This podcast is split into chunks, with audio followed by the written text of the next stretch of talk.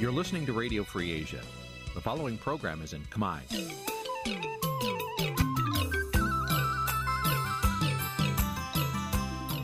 នេះជាកម្មវិធីផ្សាយ Vuthu Azizi Serai នេះជាកម្មវិធីផ្សាយរបស់ Vuthu Azizi Serai ជាភាសាខ្មែរ Vuthu Azizi Serai សូមស្វាគមន៍លោកអ្នកនាងទាំងអស់ពីរដ្ឋធានី Washington នៃសហរដ្ឋអាមេរិក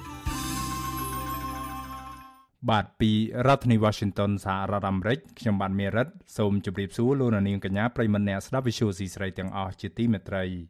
យើងខ្ញុំសូមជូនកម្មវិធីផ្សាយសម្រាប់ព្រឹកថ្ងៃច័ន្ទ12រោចខែអាសាឍឆ្នាំខាលចត្វាស័កពុទ្ធសករាជ2566ដែលត្រូវនឹងថ្ងៃទី25ខែកក្កដាគ្រិស្តសករាជ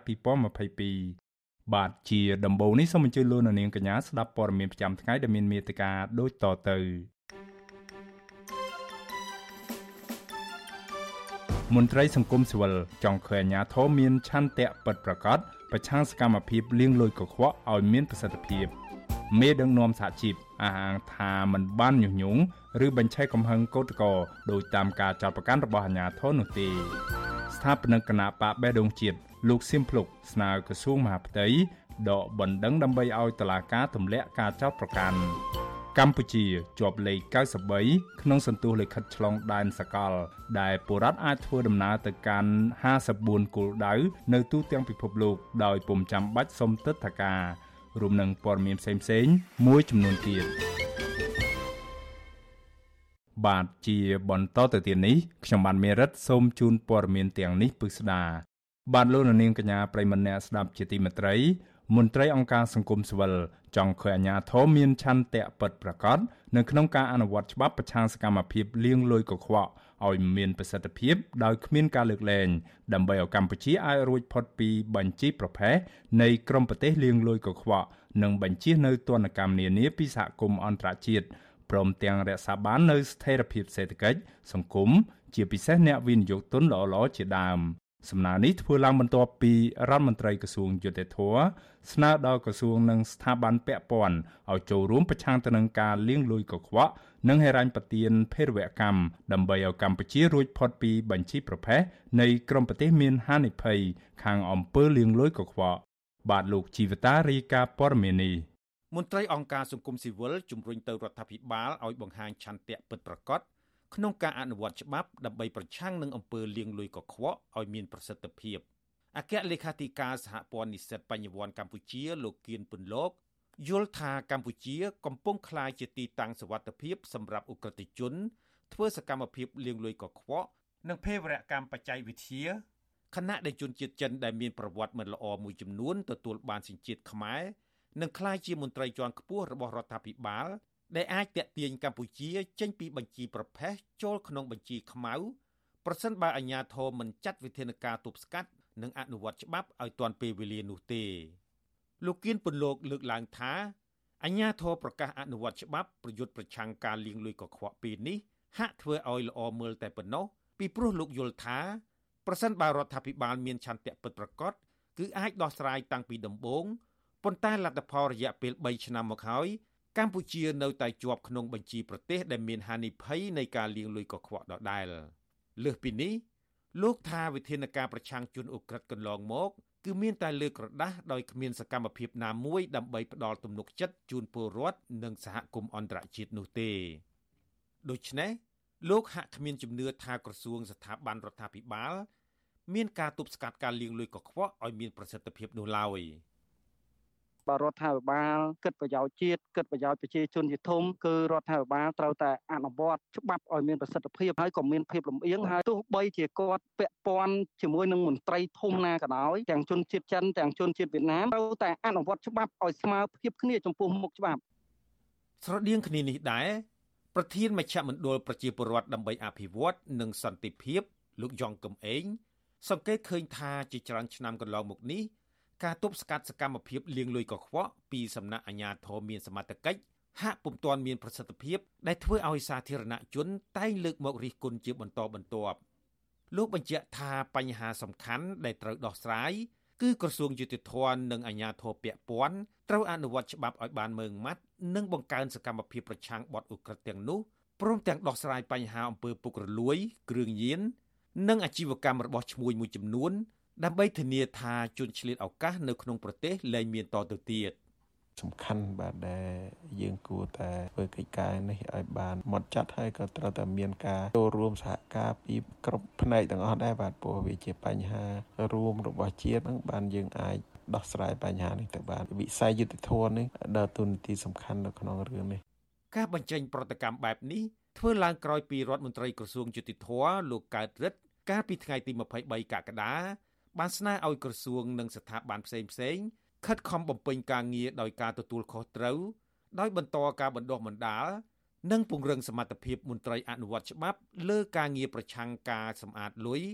និងហិរញ្ញប្បទានដល់ការរីកសាយភាយអាវុធមហាប្រឡ័យឲ្យមានប្រសិទ្ធភាពដើម្បីកម្ពុជាអាចត្រូវបានដកចេញពីបញ្ជីប្រភេទអស់រយៈពេលជាង3ឆ្នាំមកហើយគិតចាប់តាំងពីខែកុម្ភៈឆ្នាំ2019 ដែលកម្ពុជាត្រូវបានអង្គការឃ្លាំមើលអំពើលាងលុយកខ្វក់នៅលើពិភពលោកឈ្មោះក្រុមការងារហិរញ្ញវត្ថុ FATF ដាក់ក្នុងបញ្ជីប្រភេទនៃក្រុមប្រទេសដែលពិភពលោកត្រូវការបង្កើនការតាមដានខ្លាំងខាងអំពើលាងលុយកខ្វក់វិស័យមានហានិភ័យខ្ពស់ខាងអំពើលាងលុយកខ្វក់នៅកម្ពុជា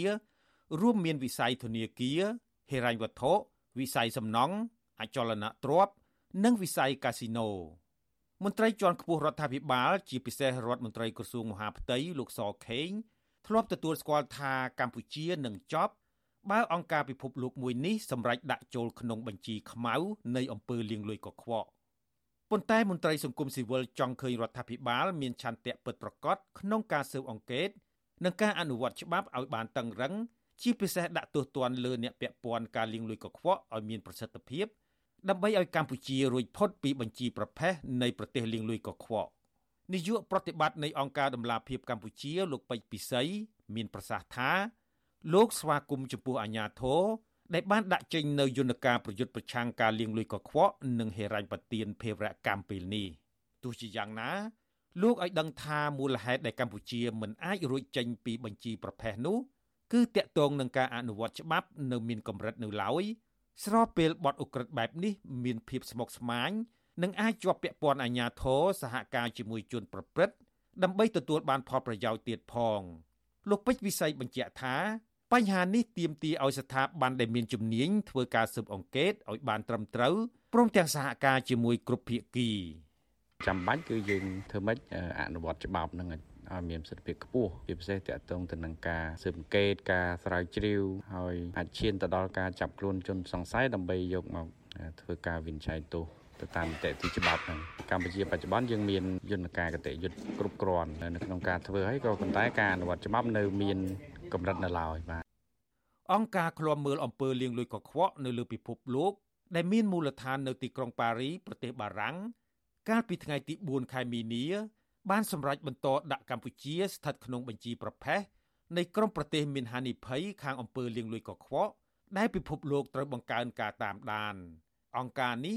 បានសម្ដែងកង្វល់ជាខ្លាំងដែលកម្ពុជាខកខានមិនអាចបំពេញបានតាមផែនការសកម្មភាពដោយដែលបានដាក់ចេញកាលពីខែមករាឆ្នាំ2021ហើយដែលកម្ពុជាត្រូវកែប្រែជាបន្ទាន់ដើម្បីរួចខ្លួនចេញពីបញ្ជីប្រភេទនេះ អង្គការឃ្លាំមើលអំពើលាងលុយកខ្វក់ដ៏មានឥទ្ធិពលនេះជំរុញយ៉ាងខ្លាំងដល់កម្ពុជាឲ្យបង្ហាញដល់សហគមន៍អន្តរជាតិអំពីការវិវត្តសំខាន់សំខាន់យ៉ាងឆាប់រហ័សក្នុងការបំពេញតាមផែនការសកម្មភាពដែលកម្ពុជាត្រូវកែលម្អឲ្យបានត្រឹមខែមិថុនាឆ្នាំ2022អង្គការក្រមការងារហិរញ្ញវត្ថុនេះប្រមានថាបើពុំដូច្នោះទេ ខ្លួននឹងពិចារណានៅជំហានបន្ទាប់មកលើកម្ពុជា ពាក់ព័ន្ធនឹងបញ្ហានៃអំពើលាងលុយកខ្វក់នេះបើតាមអង្គការនេះជំហានបន្ទាប់នោះគឺសំដៅដល់ការអំពាវនាវដល់ប្រទេសដែលជាសមាជិកទាំងអស់នៅទូទាំងពិភពលោកឲ្យបង្កើនការតាមដានត្រួតពិនិត្យលើរាល់ទំនាក់ទំនងនិងប្រតិបត្តិការអាជីវកម្មទាំងអស់ជាមួយកម្ពុជានៅក្នុងតំបន់អាស៊ីអាគ្នេយ៍នៅក្នុងឆ្នាំ2022នេះក្រៅពីកម្ពុជា ប្រទេសមីយ៉ាន់ម៉ាឬភូមានិងប្រទេសហ្វីលីពីន ក៏ជាប់ឈ្មោះក្នុងបញ្ជីប្រភេទនៃក្រុមប្រទេសដែលពិភពលោកត្រូវបង្កើនការឃ្លាំមើលខាងអំពើលាងលុយកខ្វក់មានប្រទេសសរុប23ប្រទេសកំពុងជាប់ឈ្មោះក្នុងបញ្ជីប្រភេទនេះខណៈប្រទេសកូរ៉េខាងជើងនិងប្រទេសអ៊ីរ៉ង់ជាប្រទេសពីរនៅលើពិភពលោកដែលជាប់ឈ្មោះក្នុងបញ្ជីខ្មៅនៃក្រុមប្រទេសមានហានិភ័យខ្ពស់ខាងអំពើលាងលុយកខ្វក់ដែលពិភពលោកមិនរាប់រកខ្ញុំជីវិតាអាស៊ីសេរី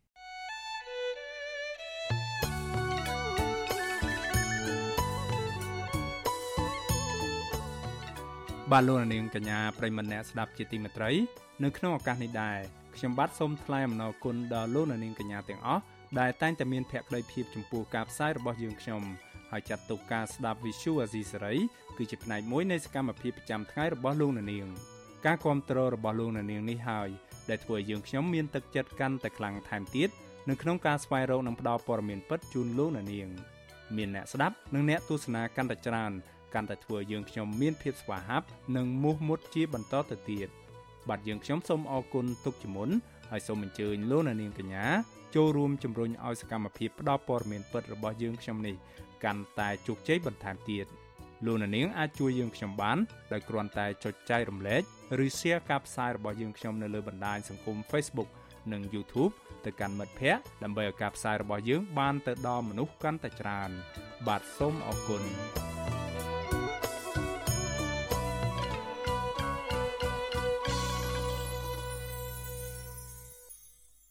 បាទលោកនាងកញ្ញាប្រិមម្នាក់ស្ដាប់ជាទីមេត្រីរឿងដែលដ lie មួយទៀតមេដឹកនាំសហជីពមួយចំនួនអះអាងថាពួកគេនឹងបន្តឃ្លាំមើលការតវ៉ារបស់កោតក្រនៅក្រុមហ៊ុនបនលបៃ Nagawal ជាបន្តទៀតបើទោះបីជាត្រូវអាជ្ញាធរចោទប្រកាន់ថាពួកគេញុះញង់កោតក្រយ៉ាងណាក៏ដោយមេដឹកនាំសហជីពទាំងនោះអះអាងទៀតថាពួកគេមិនបានញុះញង់ឬបញ្ឆេះកំហឹងដល់កោតក្រដោយតាមការចោទប្រកាន់របស់អាជ្ញាធរនោះទេ ការលើកឡើងនេះគឺបន្ទាប់ពីអ្នកនាំពាក្យរដ្ឋបាលនៃសាលារាជធានីភ្នំពេញបានប្រកាសចោទប្រកាន់មេដឹកនាំសហជីពពីររូបថាបានញុះញង់ធ្វើឲ្យកោតកោហ៊ានបុករនាំងឬបារ៉ានិងបង្កហិង្សាទៅលើសមាជិកបានអ្នកស្រីសុជីវីរាយការណ៍ព័ត៌មាននេះពីរដ្ឋធានី Washington មេដឹកនាំសហជីពមួយចំនួនមើលឃើញថាអាញាធរក្រុងភ្នំពេញ មានចេតនាបង្ខំឲ្យសហជីពបោះបង់ការងារខ្លំមើលការតវ៉ារបស់គឧតកោនៅ Nagavel តទៅទៀតទើបបង្កើតសាច់រឿងចោតប្រកាន់ក្រុមមេដឹកនាំសហជីពប្រធានសមាគមប្រជាធិបតេយ្យឯករាជ្យនៃសេដ្ឋកិច្ចក្រៅប្រព័ន្ធលោកវ៉ាន់ពៅភ្ញាក់ផ្អើលនៅពេលដឹងថាអាញាធរចោតប្រកាន់រូបលោកត្បិតលោកពុំបានប្រព្រឹត្តដោយការចោតប្រកាន់ឡើយលោកវ៉ាន់ពៅបន្តថាអាញាធរកំពុងបង្ហាញចេតនារារាំងក្រុមសហជីព និងក្រុមសង្គមស៊ីវិលមិនឲ្យចូលរួមឃ្លាំមើលកោតកម្មរបស់បុគ្គលិក Nagavel យើងក៏ទៅឃ្លាំមើលក្នុងនាមជាអ្នកធ្វើការដែរប៉ុណ្ណោះយើងមិនមានអីទៅចូលរួមស្រែកអីទេទៅនោះបងប្អូនកោតកោមិនស្គាល់ថាខ្ញុំជាអ្នកណាខ្ញុំពាក់ម៉ាស់ពាក់មួកអីធម្មតាជាឯងដែរការលើកឡើងនេះវាជឿអត់ត្រឹមត្រូវទេជាការមូលការក៏ខុសពីការពិតហើយប្រហែល ជាអាជ្ញាធរមិនចង់ឲ្យក្រមសហជីពនឹងទៅឈរឃ្លាំមើលឬក៏ការគំនិតឃ្លាំមើលនៃការប្រព្រឹត្តរបស់អាជ្ញាធរទៅលើកោតក្រហ្នឹងទៅអ្នកនាំពាក្យរដ្ឋបាលរាជធានីភ្នំពេញបានចោទប្រកាន់មេដឹកនាំសហជីពពីររូបគឺលោកវុនពៅនិងអ្នកស្រីយ៉ាងសុភ័ណ្ឌថាបានញុះញង់ក្នុងន័យដុតកម្ដៅបញ្ឆេះកំហឹងកោតកោធ្វើឲ្យកោតកោហ៊ានបុកទម្លាយរនាំងឬបារ៉ានិងបង្កហិង្សាលើសមត្ថកិច្ចដោយមានទ្រង់ទ្រាយធំជាងមុន សេចក្តីប្រកាសព័ត៌មានរបស់អ្នកនាំពាក្យសាលារាជធានីភ្នំពេញចេញកាលពីថ្ងៃទី23ខែកក្កដាបញ្ជាក់ថាហេតុការណ៍នោះបានកើតឡើងកាលពីថ្ងៃទី22ខែកក្កដានៅពេលមានការតវ៉ារបស់កម្មករនៅ Nagavel ប្រភពដដែលចោទប្រកាន់ថាការតវ៉ានោះតែងមានការរៀបចំទុកជាមុនបង្កើតឲ្យមានព្រឹត្តិការណ៍មិនល្អទៅលើអាជ្ញាធរនិងបង្កផលប៉ះពាល់ទៅដល់សណ្ដាប់ធ្នាប់សាធារណៈតាមរយៈការប្រមូលផ្ដុំគ្នា ដើរដង្ហែធ្វើបាតុកម្មតាមផ្លូវសាធារណៈផ្លុំបៃជ័រវាយស្គរបង្កសម្លេងរំខាន និងនាំគ្នាឈរអង្គុយបិទចរាចរណ៍ជាដើមប៉ុន្តែក្រុមគឧតកោបដិសេធថាពួកគេមិនបានបង្កការរំខាននិងធ្វើឲ្យស្ទះចរាចរណ៍ឡើយតកតទៅនឹងការចោទប្រកាន់របស់សាលាក្រុងនេះប្រធានសហព័ន្ធសហជីពកម្មករចំណីអាហារនិងសេវាកម្មកម្ពុជាអ្នកស្រីឧទេផូលីនប្រាប់វិទ្យុអាស៊ីសេរីកាលពីយប់ថ្ងៃទី24ខែកក្កដាថា ការវិវត្តចុងក្រោយពាក់ព័ន្ធនឹងវិវាទការងារនៅក្រុមហ៊ុន Nagavel បង្ហាញឲ្យឃើញច្បាស់ថាអាញាធរពុំបានបំពេញកាតព្វកិច្ចជាអ្នកមើលការខុសត្រូវការពីពលរដ្ឋឡើយនិងមានបំណងទុកឲ្យក្រុមកោតក្រនៅឯកោអ្នកស្រីបន្តថាទោះបីជាមានការចោទប្រកាន់ក៏សហជីពមិនបោះបង់ការឃ្លាំមើលកោតក្រដែរព្រោះនេះជាទួលនីតិរបស់សហជីពក្នុងការការពារផលប្រយោជន៍កម្មករនិយោជិតមានន័យថាយើងអត់ភ្ញាក់ផ្អើល ចំពោះការគម្រាមកំហែងការប្រើប្រាស់ប្រព័ន្ធតឡាការការចោតប្រកាន់មកលើពួកយើងជាសកម្មជនសហជីពមកលើបងប្អូនពួកយើងឯងព្រោះយើងដឹងថាយើងកំពុងតែស្ថិតនៅក្នុងបរិយាកាសបែបម៉េចអញ្ចឹងរឿងទាំងអស់ហ្នឹងវាតែងតែកើតឡើងហើយព្រោះគេធ្វើឲ្យពួកយើងហ្នឹងខ្លាចលែងហ៊ានឈរជាមួយគ្នាដកខ្លួនថយ ទុកឲ្យពួកគាត់នៅឯកោប៉ុន្តែបេសកកម្មរបស់ពួកយើងទេសនៈរបស់ពួកយើងគឺថាមិនទុកនរណាម្នាក់ចោលនៅពេលដែលមានបញ្ហាកើតឡើងអញ្ចឹងទោះបីជាមានរឿងអីកើតឡើងក៏ដោយក៏យើងនៅឈរជាមួយនឹងបងប្អូនកម្មករយុជិកព្រោះពួកគាត់គឺជាអ្នកត្រូវបានគេរំលោភបំពានកតកតនៅ Nagawal និងសហជីពជាញឹកញយបានផ្សព្វផ្សាយនៅរូបភាពនៃការប្រើហិង្សារបស់ក្រុមអាជ្ញាធរទៅលើពួកគេឲ្យរបួសនៅរាល់ពេលមានការតវ៉ាក្នុងនោះ មានការរុញច្រានរុញបោកផ្ទប់ទៅនឹងឡានក្រុងធាក់ទាត់រំលោភបំពានឬប៉ះពាល់គេខ្មាស់ជាដើមលើសពីនេះក៏មានការរាយការណ៍ថាស្ត្រីកូនតកម្នាក់បានរលូតកូនក្រោយអាញាធរប្រើហិង្សាទៅលើគាត់ឲ្យដួលនៅក្នុងពេលតវ៉ាតែទោះជាយ៉ាងណានៅក្នុងសេចក្តីប្រកាសព័ត៌មានរបស់អ្នកនាំពាក្យសាលារដ្ឋាភិបាលភ្នំពេញបញ្ជាក់ថាអាញាធរមានសមត្ថកិច្ចចាំបាច់ត្រូវប្រើប្រាស់សិទ្ធិការពារខ្លួនគិតមកដល់ពេលនេះមានរយៈពេល8ខែហើយ ដែលបុគ្គលិកកម្មករនៅក្រុមហ៊ុនបនលបៃ Nagavel បានចេញតវ៉ាទាមទារឲ្យក្រុមហ៊ុនទទួលយកបុគ្គលិកដែលក្រុមហ៊ុនបញ្ឈប់ឲ្យចូលធ្វើការវិញក្នុងនោះមានទាំងមេដឹកនាំសហជីពថែមទៀតក្រុមកោតក្រថាក្រុមហ៊ុនគ្មានឆន្ទៈដោះស្រាយបញ្ចប់ចំនួននេះឡើយដោយសារអាជ្ញាធរជាពិសេសក្រសួងការងារលំអៀងទៅខាងក្រុមហ៊ុននិងបណ្តែតបណ្តោយឲ្យក្រុមហ៊ុនបរទេសធ្វើបាបកម្មករខ្មែរតាមអំពើចិត្តនាងខ្ញុំសុជីវីវិទ្យុអាស៊ីសេរី ពីរដ្ឋធានី Washington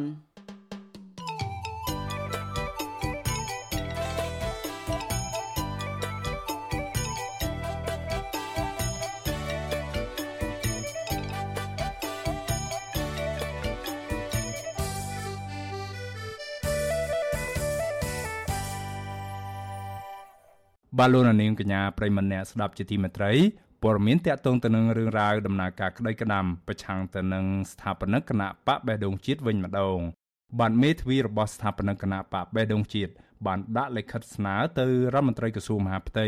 លោកសុកខេងឲ្យដកពាក្យបណ្ដឹងចោទប្រកាន់លើកូនក្តីរបស់លោកពាក់ព័ន្ធទៅនឹងរឿងរ៉ាវក្លែងបន្លំឯកសារចុះបញ្ជីគណៈបកបេះដូងជាតិនៅតុលាការដើម្បីឲ្យតុលាការទម្លាក់ចោលបទចោទប្រកាន់លើលោកសៀមភ្លោក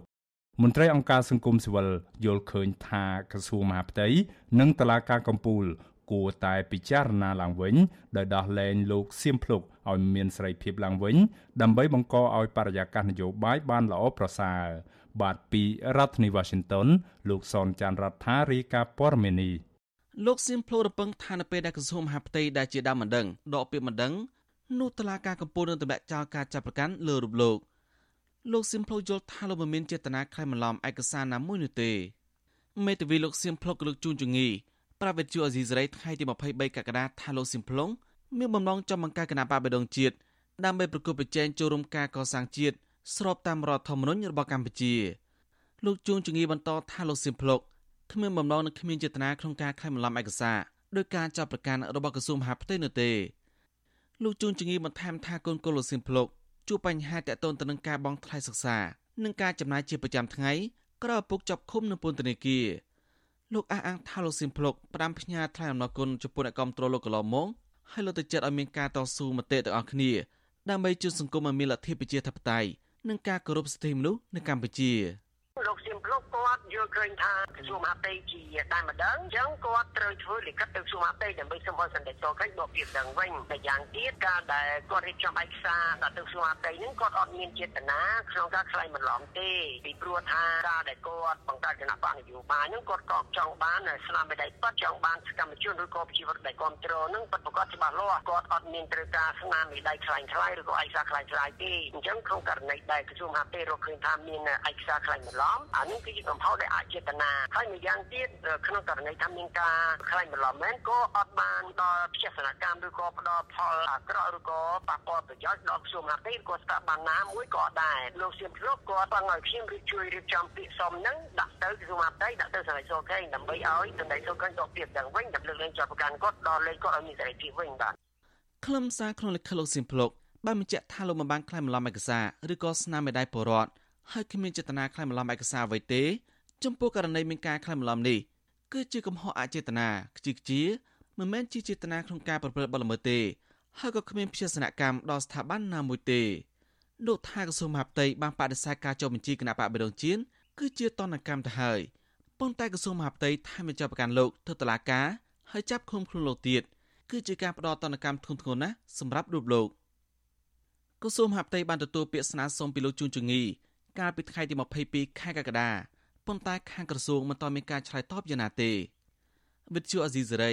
មិនទាន់អាចតទៅណែនាំពាក្យក្រសួងមហាផ្ទៃលោកខៀវសុភ័ក្រដើម្បីសុំការថាតបាយអំពីការស្នើសុំនេះបានទេ នៅថ្ងៃទី24ខែកក្កដាដោយទូរស័ព្ទចូលគ្មានអ្នកទទួលជុំវិញរឿងនេះនាយកទទួលបន្ទុកកិច្ចការទូតរបស់អង្គការលីកាដូលោកអំសំអានលើកឡើងថាគឺជាសិទ្ធិនិងក្តីសង្ឃឹមរបស់លោកសៀមភ្លុកនៅក្នុងការស្នើសុំទៅក្រសួងមហាផ្ទៃលោកអំសំអានយល់ឃើញថាមានបញ្ហាចម្រូងចម្រាសច្រើន ទាក់ទងនឹងបញ្ហាប្រឹងផ្ដាល់បញ្ហាការលួចវាសកម្មជនគណបកនយោបាយបញ្ហាចាប់ឃុំខ្លួនមន្ត្រីគណបកនយោបាយដែលនាំឲ្យអង្គការសង្គមស៊ីវិលជាតិអន្តរជាតិបារម្ភពីបរិយាកាសមិនល្អហើយរងការគំរាមកំហែងនយោបាយចំពោះសកម្មជននយោបាយមួយចំនួនលោកអំសម្បត្តិបន្តថាអ្នកនយោបាយគួរមានគំនិតចាស់ទុំនយោបាយមុនការបោះឆ្នោតតំណាងរាស្ត្រជិតឈានចូលមកដល់ដោយបង្កបរិយាកាសនយោបាយល្អប្រសើរឡើងវិញហើយប្រគល់ប្រជែងប្រកបដោយសេរីភាពដំណាភាពនិងយុត្តិធម៌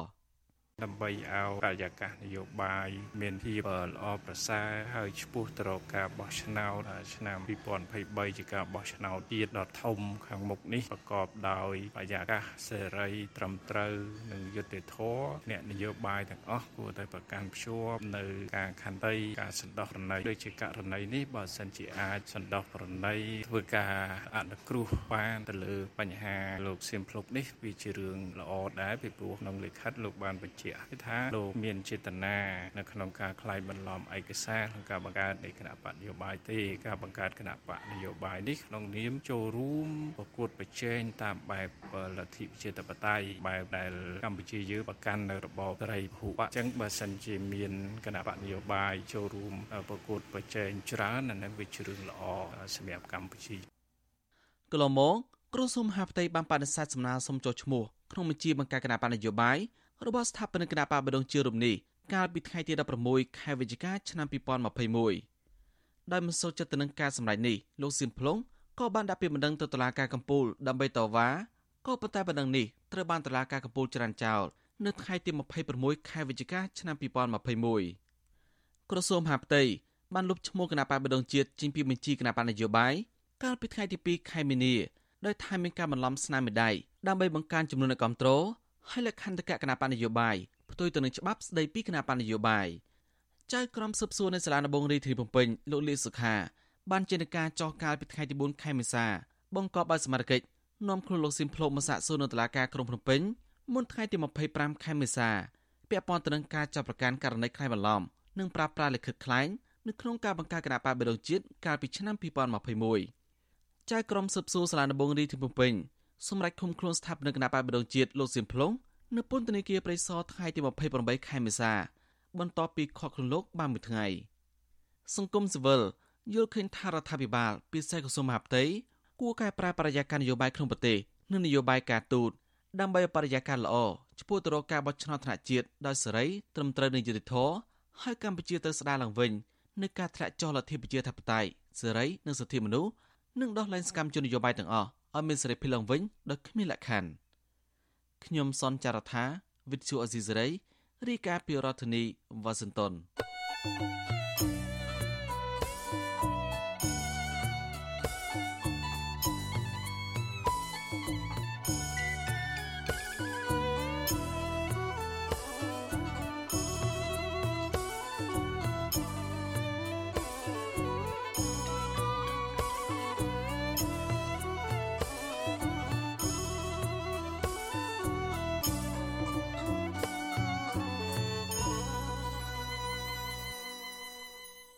បាទលោកនាងកញ្ញាប្រិមម្នាក់ស្ដាប់ជាទីមេត្រីព័ត៌មានតកតងទៅនឹងវិស័យសារព័ត៌មានវិញម្ដង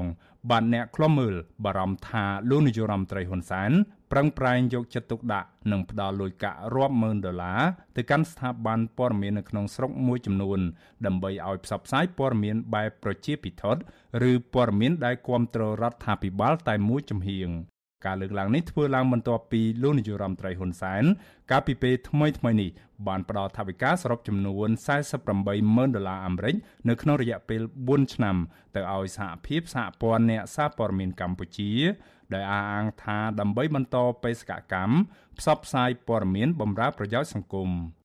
អ្នកជំនាញផ្នែកប្រព័ន្ធផ្សព្វផ្សាយឯករាជ្យ លើកឡើងថាស្ថាប័នឬសមាគមដែលទទួលបានថវិកាពីរដ្ឋាភិបាលក្នុងការបើកវគ្គបណ្ដុះបណ្ដាលលើវិស័យសារព័ត៌មានគឺពួកគាត់អាចបាត់បង់នៅភាពឯករាជ្យលើខ្លួនឯងនិងរងនៅសម្ពាធពីរដ្ឋាភិបាលគណៈស្ថាប័នសារព័ត៌មានឯករាជ្យជាច្រើន ដែលមិនចំណោះជាមួយរដ្ឋាភិបាល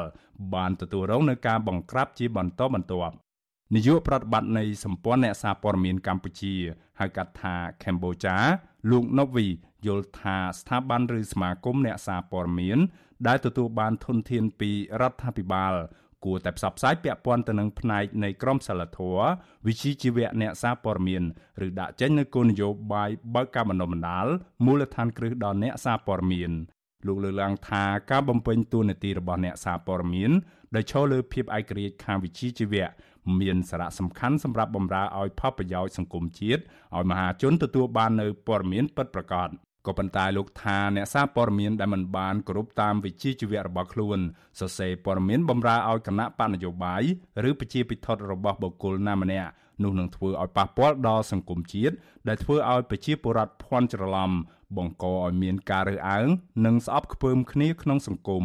យ៉ាងណាមិញបើសិនជាយើងទទួលនៅធនធានរបស់ជាតិហើយយើងមិនបានបំពេញតួនាទីត្រឹមត្រូវហើយយើងដើរតួនាទីនៅក្នុងការការពារនៅផលប្រយោជន៍ក្រុមណាមួយផ្នែកណាមួយគណៈបកនយោបាយណាមួយដោយមិនដាក់តម្កល់នៅផលប្រយោជន៍ជាតិជាសំខាន់ផលប្រយោជន៍ប្រជាពលរដ្ឋជាសំខាន់នោះគឺជាការអនុវត្តមួយដែលប្រឆាចពីក្រមសីលធម៌ពីវិជាជីវៈសារព័ត៌មានហើយមួយផ្នែកទៀតវាជាការចូលរួមចំណែកនៅក្នុងការបំផ្លិចបំផ្លាញនៅការជឿទុកចិត្តរបស់ប្រជាពលរដ្ឋរបស់សាធារណជនទូទៅទៅដល់វិជាជីវៈសារព័ត៌មាននឹងឯងបាទការលើកឡើងនេះគឺបន្ទាប់ពីលោកនាយករដ្ឋមន្ត្រីហ៊ុនសែនកាលពីពេលថ្មីថ្មីនេះបានប្រកាសបរិច្ចាគថវិកាផ្ទាល់ខ្លួនចំនួន48ម៉ឺនដុល្លារដែលមានរយៈពេល4ឆ្នាំដើម្បីគាំទ្របេសកកម្មការងាររបស់សហភាពសហព័ន្ធអ្នកសារព័ត៌មានកម្ពុជាប្រធានសហភាពសហព័ន្ធអ្នកសារព័ត៌មានកម្ពុជាលោកហ៊ុយវណ្ណៈ ត្រូវបានកសែតក្នុងស្រុកស្រង់ប្រសាសន៍ថាថាវិការរបស់លោកហ៊ុនសែននេះឆ្លុះបញ្ចាំងពីការលើកកម្ពស់នៅសេរីភាពសារព័ត៌មាន និងសេរីភាពនៃការបញ្ចេញមតិនៅកម្ពុជាវិសុវស៊ីស្រីមិនទាន់អាចតាក់ទងប្រធានសហភាពសហព័ន្ធអ្នកសារព័ត៌មានកម្ពុជា លោកហ៊ុយវណ្ណៈនិងអ្នកនាំពាក្យក្រសួងព័ត៌មាន លោកមាសសុភ័ណ្ឌដើម្បីសាកសួរជុំវិញរឿងនេះបាននៅឡើយទេនៅថ្ងៃទី24ខែកក្កដា ក៏ប៉ុន្តែលោកមាសសុភ័ណ្ឌតែងតែលើកឡើងថារដ្ឋាភិបាលបានយកចិត្តទុកដាក់លើសេរីភាពសារព័ត៌មាននិងមិនបានរឹតបន្តឹងឬបំពានលើសិទ្ធិសេរីភាពសារព័ត៌មាននោះឡើយបើទោះបីជាយ៉ាងណានាយកប្រតិបត្តិនៃសម្ព័ន្ធអ្នកសារព័ត៌មានកម្ពុជាហៅកាត់ថា Cambodia លោក Novi មានប្រសាសន៍ថាសេរីភាពសារព័ត៌មាន ជាពិសេសអ្នកសារព័ត៌មានឯករាជ្យនៅកម្ពុជាមិនទាន់មានការគ្រប់គ្រងពីរដ្ឋាភិបាលនោះទេ លើសពីនេះទៀតលោកថារូបភាពដែលនៅតែបន្តលេចធ្លោសម្រាប់អ្នកសារព័ត៌មានឯករាជ្យនៅកម្ពុជានោះគឺពួកគេតែងតែទទួលរងនឹងការគំរាមកំហែងការបំផិតបំភ័យពីសំណាក់អាជ្ញាធររដ្ឋាភិបាលក្រៅពីនេះទៀតអ្នកសារព័ត៌មានឯករាជ្យមួយចំនួនទៀតត្រូវបានរដ្ឋាភិបាលលោកនាយរដ្ឋមន្ត្រីហ៊ុនសែនចាប់ដាក់ពន្ធនាគារដោយសារតែសកម្មភាពបំពេញការងារតាមវិជ្ជាជីវៈរបស់ពួកគេ សមាគមសម្ព័ន្ធអ្នកសារព័ត៌មានកម្ពុជា Cambodia បានរកឃើញថាក្នុងរយៈពេល10ខែនៃឆ្នាំ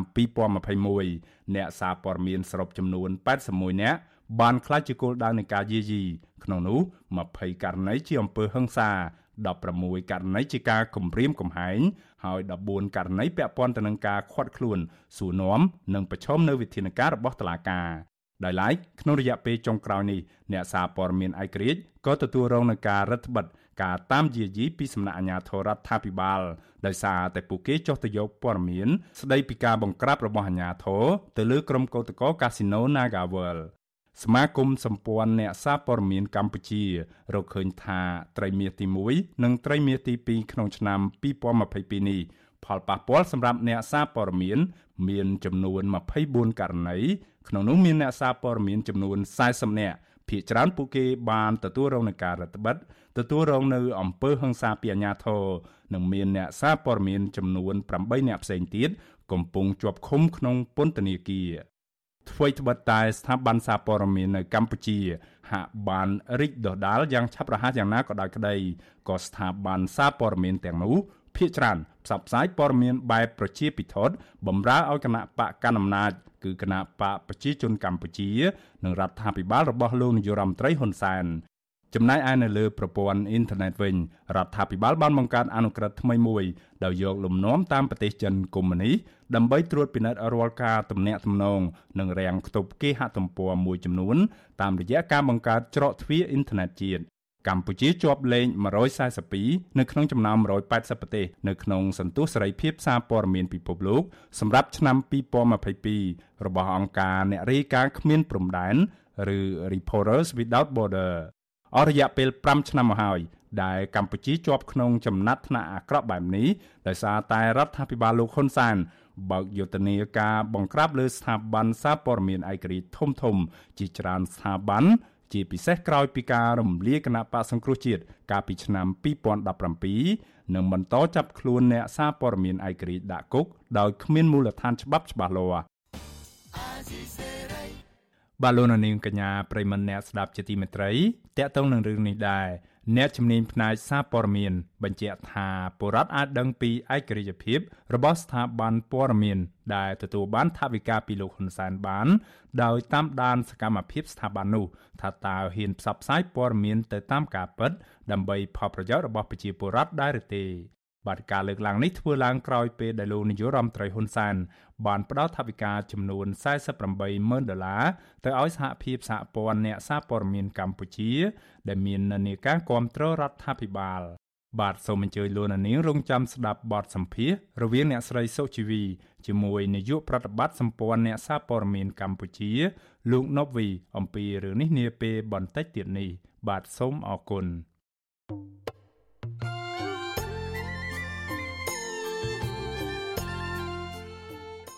បាទលោកនាងប្រិមម្នាក់ស្ដាប់ជាទីមេត្រី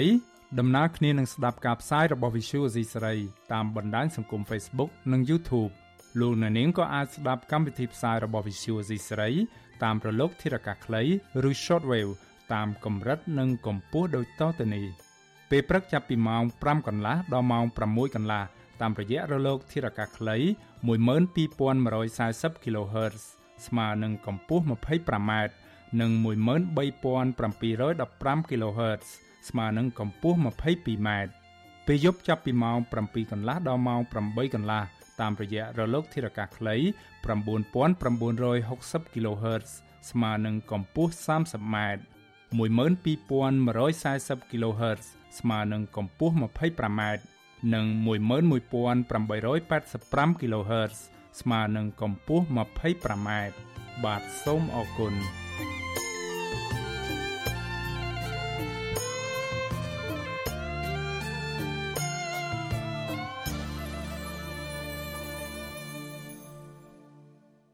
ាទលោកនាងកញ្ញាប្រិមម្នាក់ស្ដាប់ជាទីមេត្រី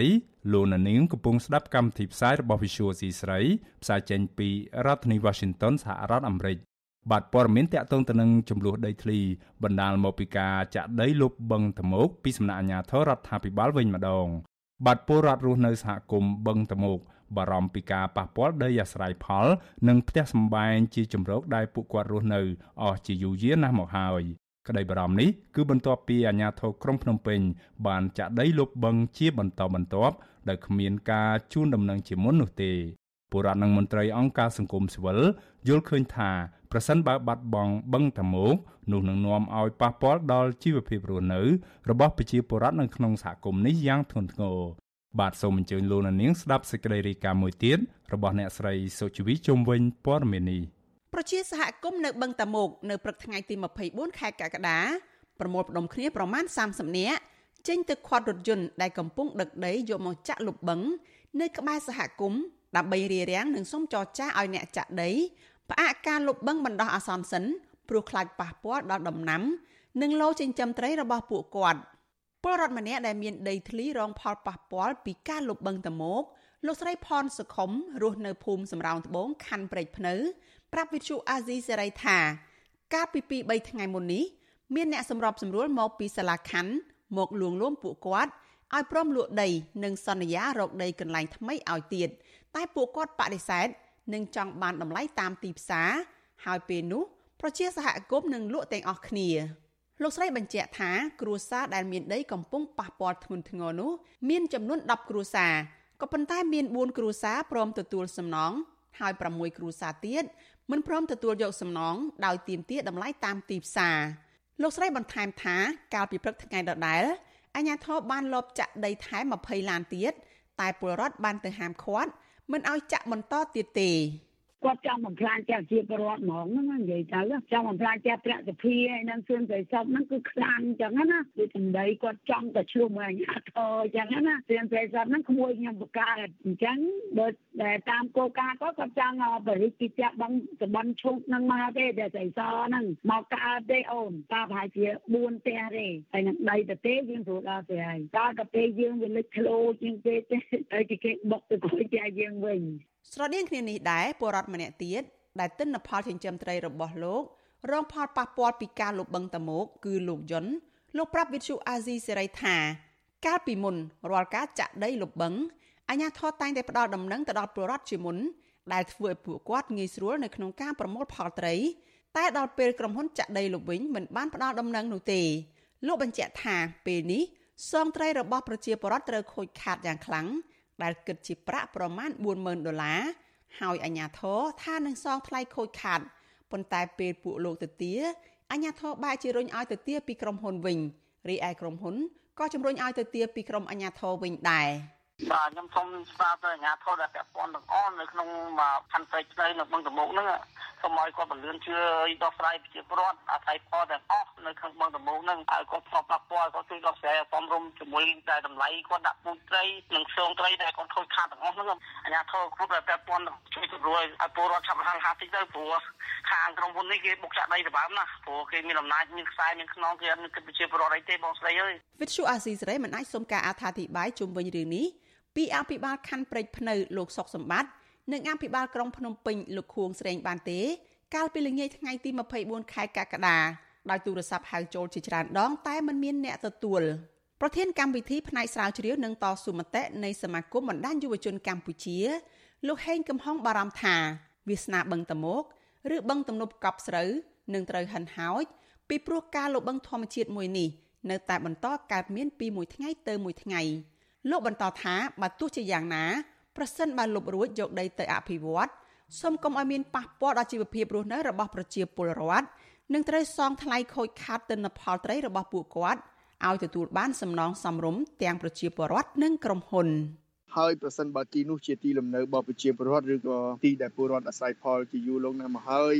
ក៏គួរតែមិនមិនគួរតែមិនមិនគួរណាកាត់ឲ្យតែឯកជនឬក៏ពួកអ្នកមានណាបាទគួរតែធ្វើការកាត់ឯកជនខ្លះទៅឲ្យប្រជាពលរដ្ឋដែលគាត់ធ្លាប់អាស្រ័យផលហ្នឹងទៅដើម្បីកុំទៅផ្ដាច់មុខរបរគាត់ហើយយើងដឹងហើយថាពលរដ្ឋហ្នឹងក៏ត្រូវការមុខរបរត្រូវការការងារហើយបើសិនជាយើងមិនមានការអភិវឌ្ឍចង់អភិវឌ្ឍហើយដែលយើងមិនគិតដល់ប្រជាពលរដ្ឋនៅមូលដ្ឋានយើងគិតថាតើការអភិវឌ្ឍនឹងដើម្បីអីអញ្ចឹងណាបាទបាទធ្វើឲ្យពលរដ្ឋទឹកភ្នែកពលរដ្ឋប្រជាពលរដ្ឋរស់នៅក្បែរតំបន់បឹងតមោកនៅតែប្រកាន់ជំហរថាពួកគាត់នៅនៅតែបន្តចេញតវ៉ានៅស្ថាប័នពាក់ព័ន្ធដើម្បីទាមទារដល់រដ្ឋាភិបាលឲ្យកាត់ជ្រឿដីចំនួន5ហិកតានិងចេញប្លង់កម្មសិទ្ធិដីធ្លីជូនប្រជាពលរដ្ឋជាង200គ្រួសារនិងមានផ្ទះ108ខ្នងទោះជាយ៉ាងណាពលរដ្ឋថាមកដល់ពេលនេះពួកគាត់មិនត្រឹមតែគ្មានដំណោះស្រាយទេថែមទាំងមានតំណាងប្រជាពលរដ្ឋ7នាក់ហើយ ត្រូវបានតុលាការក្រុងភ្នំពេញចេញដីកាកោះហៅឲ្យទៅបំភ្លឺនៅតុលាការនៅថ្ងៃទី4ខែសីហាខាងមុខដោយសារតែពួកគាត់បានរារាំងគ្រឿងចាក់ក្រុមហ៊ុនមួយចំនួនឲ្យបញ្ឈប់ការចាក់ដីលុបបឹងតមោកដើម្បីបញ្ជាការបំផ្លិចបំផ្លាញផលដំណាំ និងផ្ទះសម្បែងពួកគាត់នាពេលកន្លងមកនាងខ្ញុំសុជីវី With you Azizi Serai ពីរដ្ឋធានី Washington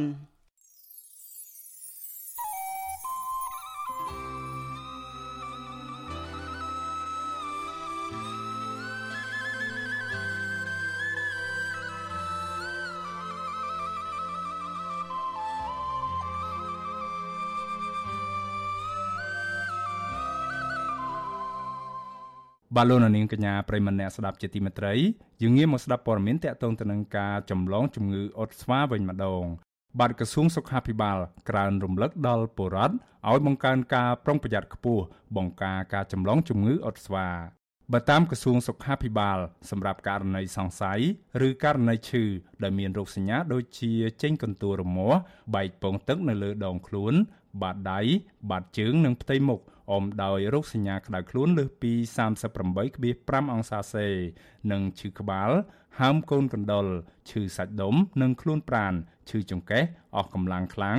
ត្រូវដាក់អ្នកជំងឺឲ្យនៅដាច់ដライដើម្បីធ្វើការពិនិត្យសុខភាពដោយក្រុមគ្រូពេទ្យជំនាញភ្លាមៗឬអាចបញ្ជូនទៅកាន់មន្ទីរពេទ្យដែលនៅជិតនោះទន្ទឹមនឹងនេះ ត្រូវតាមដានរោគអ្នកឆ្លងបន្តតាមរយៈអ្នកនៅជុំវិញ ជាពិសេសក្រុមគ្រួសារឬសាច់ញាតិឬអ្នកប៉ះពាល់ផ្សេងៗពលរដ្ឋត្រូវអនុវត្តនៅអនាម័យខ្លួនប្រាណនិងរស់នៅស្អាតដោយធ្វើអនាម័យដៃស្អាតជាមួយសាប៊ូឬជែលអាល់កុល និងអនុវត្តនៅការការពារការចម្លងតាមផ្លូវដង្ហើមជាដើម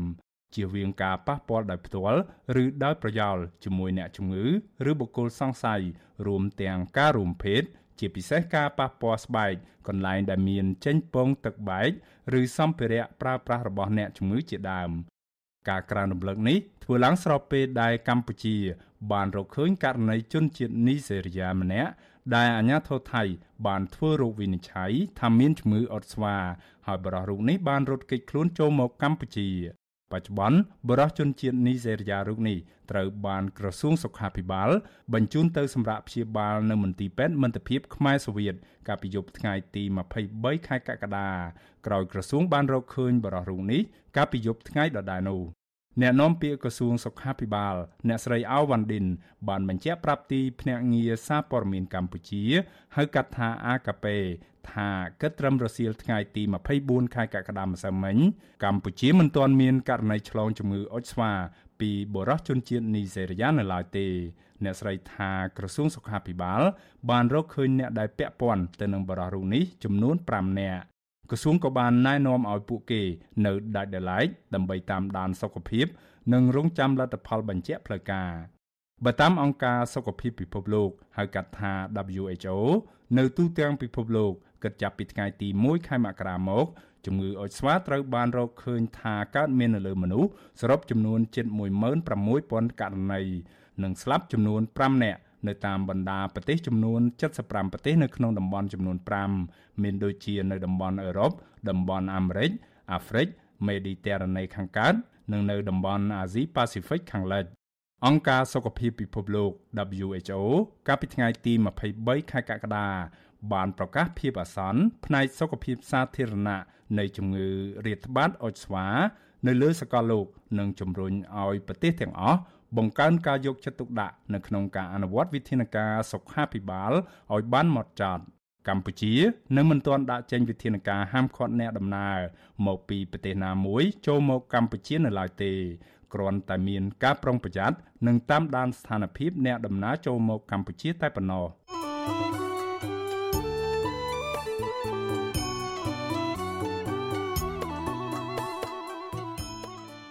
បាទលោកនាងប្រិមម្នាក់ស្ដាប់ជាទីមេត្រីក្រៅពីតាមដានកម្មវិធីផ្សាយរបស់ Visual C ស្រីតាមបណ្ដាញសង្គម Facebook YouTube និង Telegram លោកនាងក៏អាចតាមដានកម្មវិធីផ្សាយរបស់យើងតាមបណ្ដាញសង្គម Instagram ដែលមានអាសយដ្ឋាន instagram.com/rfa ខ្មែរ Visual C ស្រីបន្តខិតខំផ្សព្វផ្សាយព័ត៌មានពិតជូនដល់លោកនាង តាមរយៈបណ្ដាញសង្គមផ្សេងៗនិងសម្បូរបែបដើម្បីឲ្យលោកអ្នកនាងងាយស្រួលតាមដានការផ្សាយរបស់យើងគ្រប់ពេលវេលា និងគ្រប់ទីកន្លែងតាមរយៈទូរស័ព្ទដៃរបស់លោកអ្នកនាង បាទសូមអរគុណ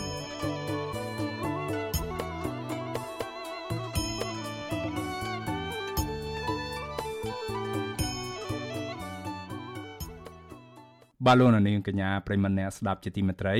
ព័ត៌មានតកតងទៅនឹងអត្តពលរបស់លិខិតឆ្លងដែនកម្ពុជាវិញម្ដងបាទកម្ពុជាជាប់លេខ93នៅក្នុងសន្ទស្សន៍លិខិតឆ្លងដែនឬប៉ាសពតសកល The Henley Passport Index សម្រាប់ត្រីមាសទី3ឆ្នាំ2022បាយតាមសន្ទស្សន៍នេះ ពលរដ្ឋកម្ពុជាដែលកាន់លិខិតឆ្លងដែនកម្ពុជាអាចធ្វើដំណើរចេញចូលទៅក្នុងប្រទេសឬគោលដៅធ្វើដំណើរសរុបចំនួន54នៅក្នុងចំណោមប្រទេសឬគោលដៅធ្វើដំណើរសរុប227គោលដៅនៅទូទាំងពិភពលោកប្រទេសដែលជាប់លេខ1ខាងលិខិតឆ្លងដែនមានឥទ្ធិពលខ្លាំងជាងគេបំផុតនៅលើពិភពលោកគឺប្រទេសជប៉ុន ដែលពលរដ្ឋកាន់លិខិតឆ្លងដែននៃប្រទេសនេះអាចធ្វើដំណើរចេញចូលដោយពុំចាំបាច់ស្នើសុំទឹកតការទៅកាន់193ប្រទេសឬគោលដៅធ្វើដំណើរនៅទូទាំងពិភពលោកប្រទេសសិង្ហបុរីនិងប្រទេសកូរ៉េខាងត្បូងឈរនៅលេខរៀងទី2ដោយឡែកសហរដ្ឋអាមេរិកជាប់លេខ7 ដែលពលរដ្ឋកាន់លិខិតឆ្លងដែនអាមេរិកកាំងអាចធ្វើដំណើរទៅកាន់ប្រទេសឬគោលដៅធ្វើដំណើរសរុបចំនួន186ដោយពុំចាំបាច់សុំទឹកតការជាមុន ឬទឹកតការនៅពេលមកដល់ ប្រទេសអាហ្វហ្គានីស្ថាន គឺជាប្រទេសជាប់ចំណាត់ថ្នាក់នៅបាតតារាងលេខ112ដែលលិខិតឆ្លងដែនមានឥទ្ធិពលអន់ជាងគេបំផុតនៅលើពិភពលោកគណៈពលរដ្ឋនៃប្រទេសនេះអាចធ្វើដំណើរចេញចូលប្រទេសឬគោលដៅបានតែ27ប៉ុណ្ណោះដោយពុំចាំបាច់សុំទិដ្ឋាការ សន្ទុះលិខិតឆ្លងដែនសកលឬ The Henley Passport Index ធ្វើឡើងផ្អែកតាមទិន្នន័យដែលទទួលបានពីអាជ្ញាធរដឹកជញ្ជូនផ្លូវអាកាសអន្តរជាតិឬហៅកាត់ថា IATA សន្ទុះនេះត្រូវបានធ្វើបច្ចុប្បន្នភាពជារៀងរាល់ត្រីមាសម្ដង ដោយវាតម្លៃលើលិខិតឆ្លងដែនសរុបចំនួន199ប្រទេសឬដែនដី និងគោលដៅធ្វើដំណើរសរុបចំនួន227នៅទូទាំងពិភពលោក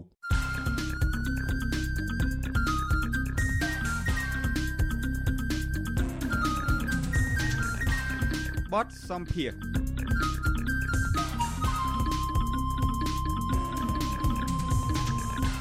បាទលោកនាងកញ្ញាប្រិមម្នាក់ស្ដាប់ជាទីមេត្រី អ្នកជំនាញផ្នែកស្ថាប័នព័ត៌មាន បញ្ជាក់ថាបុរដ្ឋអាចដឹងពីឯករាជ្យភាព របស់ស្ថាប័នព័ត៌មាន ដែលទទួលបានថវិកាពីលោកហ៊ុនសែនបានដោយតាមដានសកម្មភាពរបស់ស្ថាប័ននោះថាតើហ៊ានផ្សព្វផ្សាយព័ត៌មានទៅតាមការពិតដើម្បីបម្រើផលប្រយោជន៍ប្រជាពលរដ្ឋដែរឬទេ ការលើកឡើងនេះធ្វើឡើងក្រោយពេលលោកនាយរដ្ឋមន្ត្រីហ៊ុនសែនបានផ្ដល់ថវិកាចំនួន48ម៉ឺនដុល្លារទៅឲ្យសហភាពសហព័ន្ធអ្នកសារព័ត៌មានកម្ពុជា ដែលមាននិន្នាការគ្រប់គ្រងរដ្ឋាភិបាល បាទសូមអញ្ជើញលោកនាងស្ដាប់បទសម្ភាសរវាងអ្នកស្រីសុជីវីជាមួយនាយកប្រតិបត្តិសម្ព័ន្ធអ្នកសារព័ត៌មានកម្ពុជា លោកណូវីជុំវិញរឿងនេះដូចតទៅចាសសូមជំរាបសួរលោកណូវីពីចម្ងាយចាតើ មានន័យសេចក្តីយ៉ាងម៉េចនៅពេលដែលលោកនវីបានលើកថាបារម្ភពីឯករាជ្យភាពរបស់ស្ថាប័នហ្នឹងនៅពេលដែលមានថាវិការពីលោកយមត្រីហ៊ុនសែនប៉ុន្តែក៏លើកឡើងដែរថាកន្លងមកហ្នឹងសេរីភាពសារព័ត៌មានហ្នឹងមិនបានទទួលការគ្រប់គ្រងពីរដ្ឋាភិបាលទេតើមានន័យសេចក្តីយ៉ាងម៉េចនៅពេលដែលរដ្ឋាភិបាលជាពិសេសប្រមុខរដ្ឋាភិបាលហ្នឹងបានផ្ដល់ថវិកាទៅគ្រប់គ្រងស្ថាប័នសារព័ត៌មានហ្នឹងនៅតែមានការព្រួយបារម្ភទៀតហ្នឹងចា៎ នៅក្នុងការធានាឲ្យមានឯករាជ្យភាពនៃស្ថាប័នណាមួយដែលធ្វើកិច្ចការងារដើម្បីបម្រើសាធារណជនទូទៅផលប្រយោជន៍សាធារណៈហើយនឹងបម្រើរដ្ឋាភិបាលហ្នឹងគឺថាវាមានអត្តន័យផ្សេងគ្នាហើយអត្តន័យផ្សេងគ្នាហ្នឹងគឺវាត្រូវស្ដែងចេញអំពីដែលមូលដ្ឋាននៃការផ្ដល់ដូចឧទាហរណ៍ករណីនៃការផ្ដល់ធនធានផ្ទាល់ខ្លួនរបស់សម្ដេចនាយករដ្ឋមន្ត្រីជូនទៅដល់សហភាពអ្នកសហព័ន្ធអ្នកសហព័ត៌មានកម្ពុជាអីហ្នឹងគឺខ្ញុំគិតថាបើសិនជាយើងចង់និយាយអំពីរឿងដែលឯករាជ្យភាពនៅក្នុងការយកធនធានហ្នឹងដើម្បីទៅបម្រើដល់ផលប្រយោជន៍សាធារណជនទៅដល់ព័ត៌មានដែលមាន ទំនោរនៅក្នុងការផ្ដល់ផលទៅដល់សាធារណជនទូទៅវាអាចថានៅក្នុងជាសំណួរនៅឡើយទេដោយសារអីប៉ុន្តែបើសិនជាយើងពិនិត្យនៅត្រង់ចំណុចនេះយើងគិតថានៅក្នុងការងារតាក់ទងជាមួយនឹងការគ្រប់គ្រងឬមួយក៏ ក្នុងការផ្ដល់ផលប្រយោជន៍ទៅដល់រដ្ឋាភិបាលខ្ញុំគិតថាហ្នឹងគឺជាចំណុចមួយដែលខ្ញុំគិតថាអាចធ្វើទៅបានសម្រាប់អង្គភាពសាព័ត៌មានដែលទទួលធនធានថវិកាផ្ទាល់ពីរដ្ឋាភិបាលណាក៏ប៉ុន្តែបើសិនជាធនធានថវិកាដែលផ្ដល់ជូនហ្នឹងគឺជាធនធានថវិកាផ្ទាល់របស់សម្ដេចនាយករដ្ឋមន្ត្រីអីទៅទៀតខ្ញុំគិតថាអាចនឹងពាក់ព័ន្ធជាមួយនឹងឯករាជ្យភាពរបស់ស្ថាប័នសារព័ត៌មានហ្នឹងថាតើស្ថាប័នសារព័ត៌មានគាត់អាចនឹងធ្វើកិច្ចការងារបម្រើដល់ផលប្រយោជន៍របស់រដ្ឋាភិបាលឬក៏គាត់បម្រើដល់ផលប្រយោជន៍ផ្ទាល់របស់សម្ដេចនាយករដ្ឋមន្ត្រីឬមួយក៏ក្រុមគ្រួសាររបស់គាត់នេះគឺជាអ្វីមួយដែលខ្ញុំគិតថា សាធារណជនលោកអាចពិចារណាឬមួយក៏យើងពិនិត្យអំពីមូលដ្ឋាននៃធនធានដែលផ្ដល់ជូននឹងទាំងអស់គ្នាអញ្ចឹងហើយបានជានិច្ចកាលកន្លងមកដែលនៅពេលដែលមានការបង្កើតស្ថាប័នឯករាជ្យអ្វីមួយភាគច្រើនគឺស្ថាប័នឯករាជ្យហ្នឹងគេត្រូវទៀមទីឲ្យមានឯករាជ្យភាពទាំងពីធនធានថវិកាដើម្បីយកទៅ ប្រតិបត្តិការស្ថាប័នដែលត្រូវបានបង្កើតឡើងហ្នឹង ហើយលោកនពវីថាសូមឲ្យតាមដានទៅតើតើការផ្សព្វផ្សាយព័ត៌មានរបស់ពួកគាត់នឹងអាចនឹងជាប្រយោជន៍ដល់សង្គមជាតិឬក៏ជាការផ្សព្វផ្សាយព័ត៌មានដែលលំអៀងទៅមួយជំហាននោះតើតាមដានរបៀបម៉េចទៅផ្អែកលើអ្វីទៅចាសសូមជឿយើងត្រូវពិនិត្យមើលថាបច្ចុប្បន្ននេះតើតើអ្វីដែលជាបញ្ហាកើតមានឡើងសម្រាប់អ្នកសារព័ត៌មាន ទី1យើងអាចនិយាយថា ដែលសារព័ត៌មាននៅក្នុងប្រទេសយើងថាមិនមានសារព័ត៌មានឯករាជ្យនឹងច្រើនទេមានតែ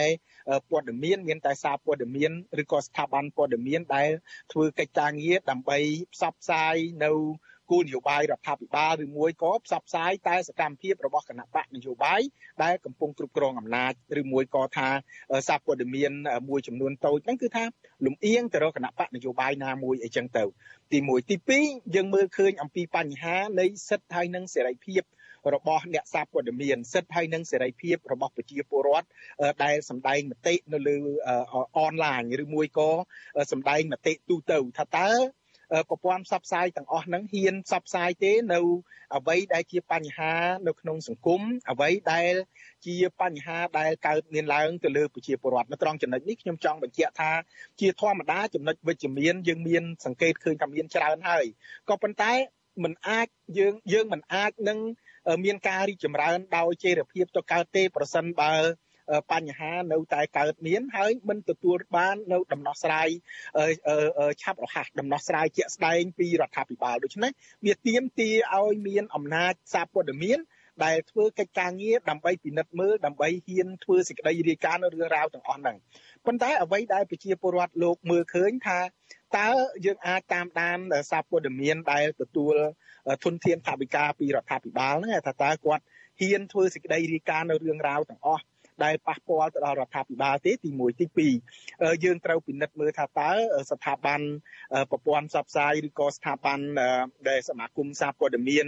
ដែលទទួលបានថវិកាផ្ទាល់ពីសម្ដេចហ្នឹងថាតើគាត់ធ្វើសកម្មភាពអ្វីខ្លះដើម្បីការពារសិទ្ធិសេរីភាពរបស់អ្នកសារព័ត៌មានដើម្បីផ្សព្វផ្សាយនៅអ្វីដែលជាបញ្ហាដែលកើតមានឡើងទៅលើប្រជាពលរដ្ឋអញ្ចឹងបើសិនជា គាត់មិនហ៊ានធ្វើការផ្សព្វផ្សាយគាត់មិនហ៊ានថែមទាំងផ្ដល់នៅអ្វីដែលជាព័ត៌មានពិតជូនទៅដល់ប្រមុខដឹកនាំរដ្ឋាភិបាលទៅដល់មន្ត្រីអ្នកធ្វើគោលនយោបាយទេខ្ញុំគិតថាទាំងអស់នឹងហើយគឺបង្ហាញនៅភាពលំអៀងលំអៀងពីព្រោះយើងកាលណាយើងនិយាយថាលំអៀងគឺវាមានលំអៀងដោយការភ័យខ្លាចវាមានលំអៀងដោយការស្រឡាញ់លើលំអៀងខ្លះហ្នឹងគឺថាកាលណាយកធនធានថវិការបស់គេកាលណាយក ដែលដែលថវិការបស់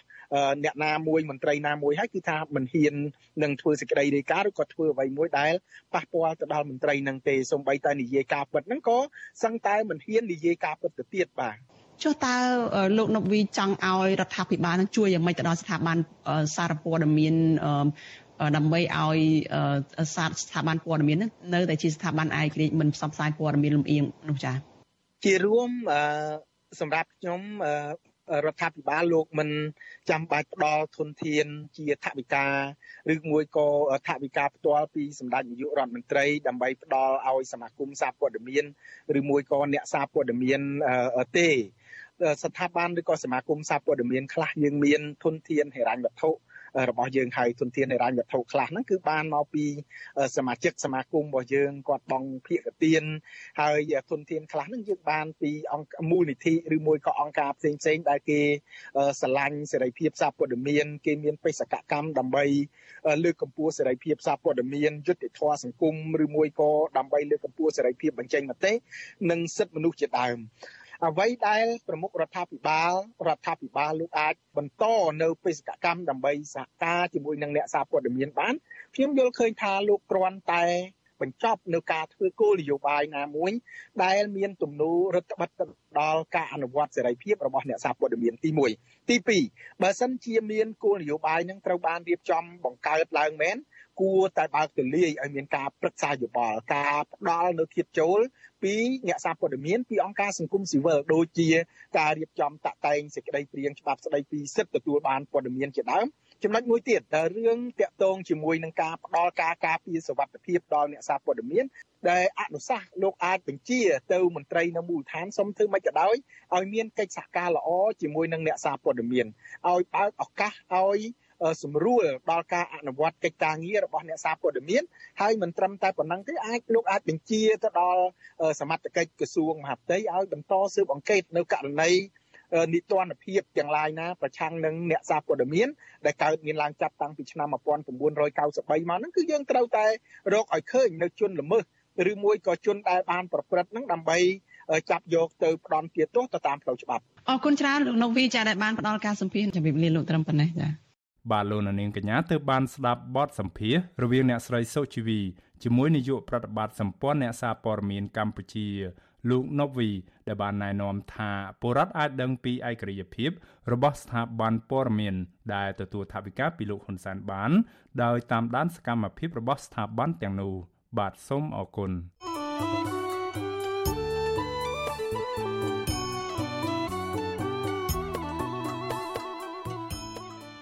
បាទលោកនាងប្រិមម្នាក់ស្ដាប់ជាទីមេត្រីក្រៅពីតាមដានកម្មវិធីផ្សាយរបស់ Visual C ស្រីតាមបណ្ដាញសង្គម Facebook YouTube និង Telegram លោកនាងក៏អាចតាមដានកម្មវិធីផ្សាយរបស់យើងតាមបណ្ដាញសង្គម Instagram ដែលមានអាសយដ្ឋាន instagram.com/rfa ខ្មែរ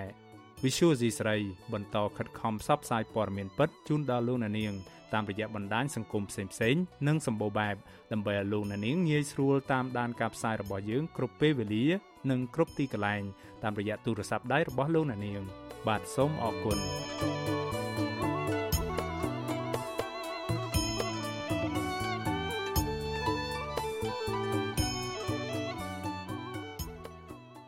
បាទលោកនាងកញ្ញាប្រិមម្នាក់ស្ដាប់ជាទីមេត្រីកម្មវិធីផ្សាយរយៈពេល1ម៉ោងនៃ Visual Asia ស្រីជាភាសាខ្មែរនៅពេលនេះចប់តែប៉ុណ្ណេះយើងខ្ញុំសូមជូនពរដល់លោកនាងកញ្ញាព្រមទាំងក្រុមគ្រួសារទាំងអស់ឲ្យជួបប្រកបតែនឹងសេចក្តីសុខចម្រើនរុងរឿងកំបីគ្លៀនគ្លាតឡើយខ្ញុំបាទមេរិតព្រមទាំងក្រុមការងារទាំងអស់នៃ Visual Asia ស្រីសូមអរគុណនិងសូមជម្រាបលា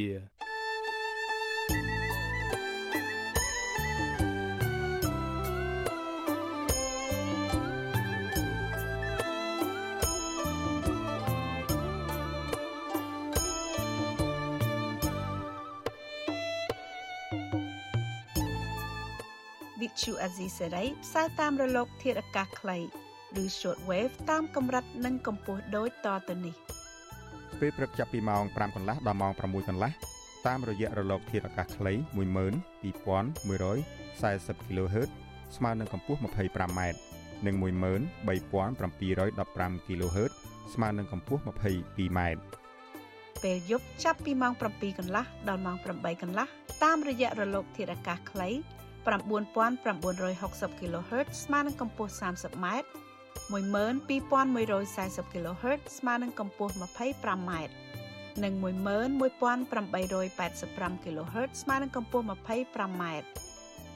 លោកអ្នកនាងអាចស្ដាប់ការផ្សាយផ្ទាល់តាមប្រព័ន្ធអ៊ីនធឺណិតដោយចូលទៅកាន់គេហទំព័រ www.rfa.org/ ខ្មែរក្រៅពីនេះលោកអ្នកនាងក៏អាចអាននិងទស្សនាព័ត៌មានវិទ្យុអេស៊ីសេរី លើទូរស័ព្ទដៃរបស់លោកអ្នកផ្ទាល់សូមលោកអ្នកនាងចូលទៅកាន់បណ្ដាញសង្គម Facebook ដែលមានអាសយដ្ឋាន www.facebook.com/rfa.cambodia និង YouTube www.youtube.com/rfa ខ្មែរ video សូមលោកអ្នកនាងចុច like និងចុច Subscribe ដើម្បីទទួលបានព័ត៌មានថ្មីៗទាន់ហេតុការណ៍និងទស្សនាវីដេអូផ្សេងៗទៀត បានគ្រប់ពេលវេលា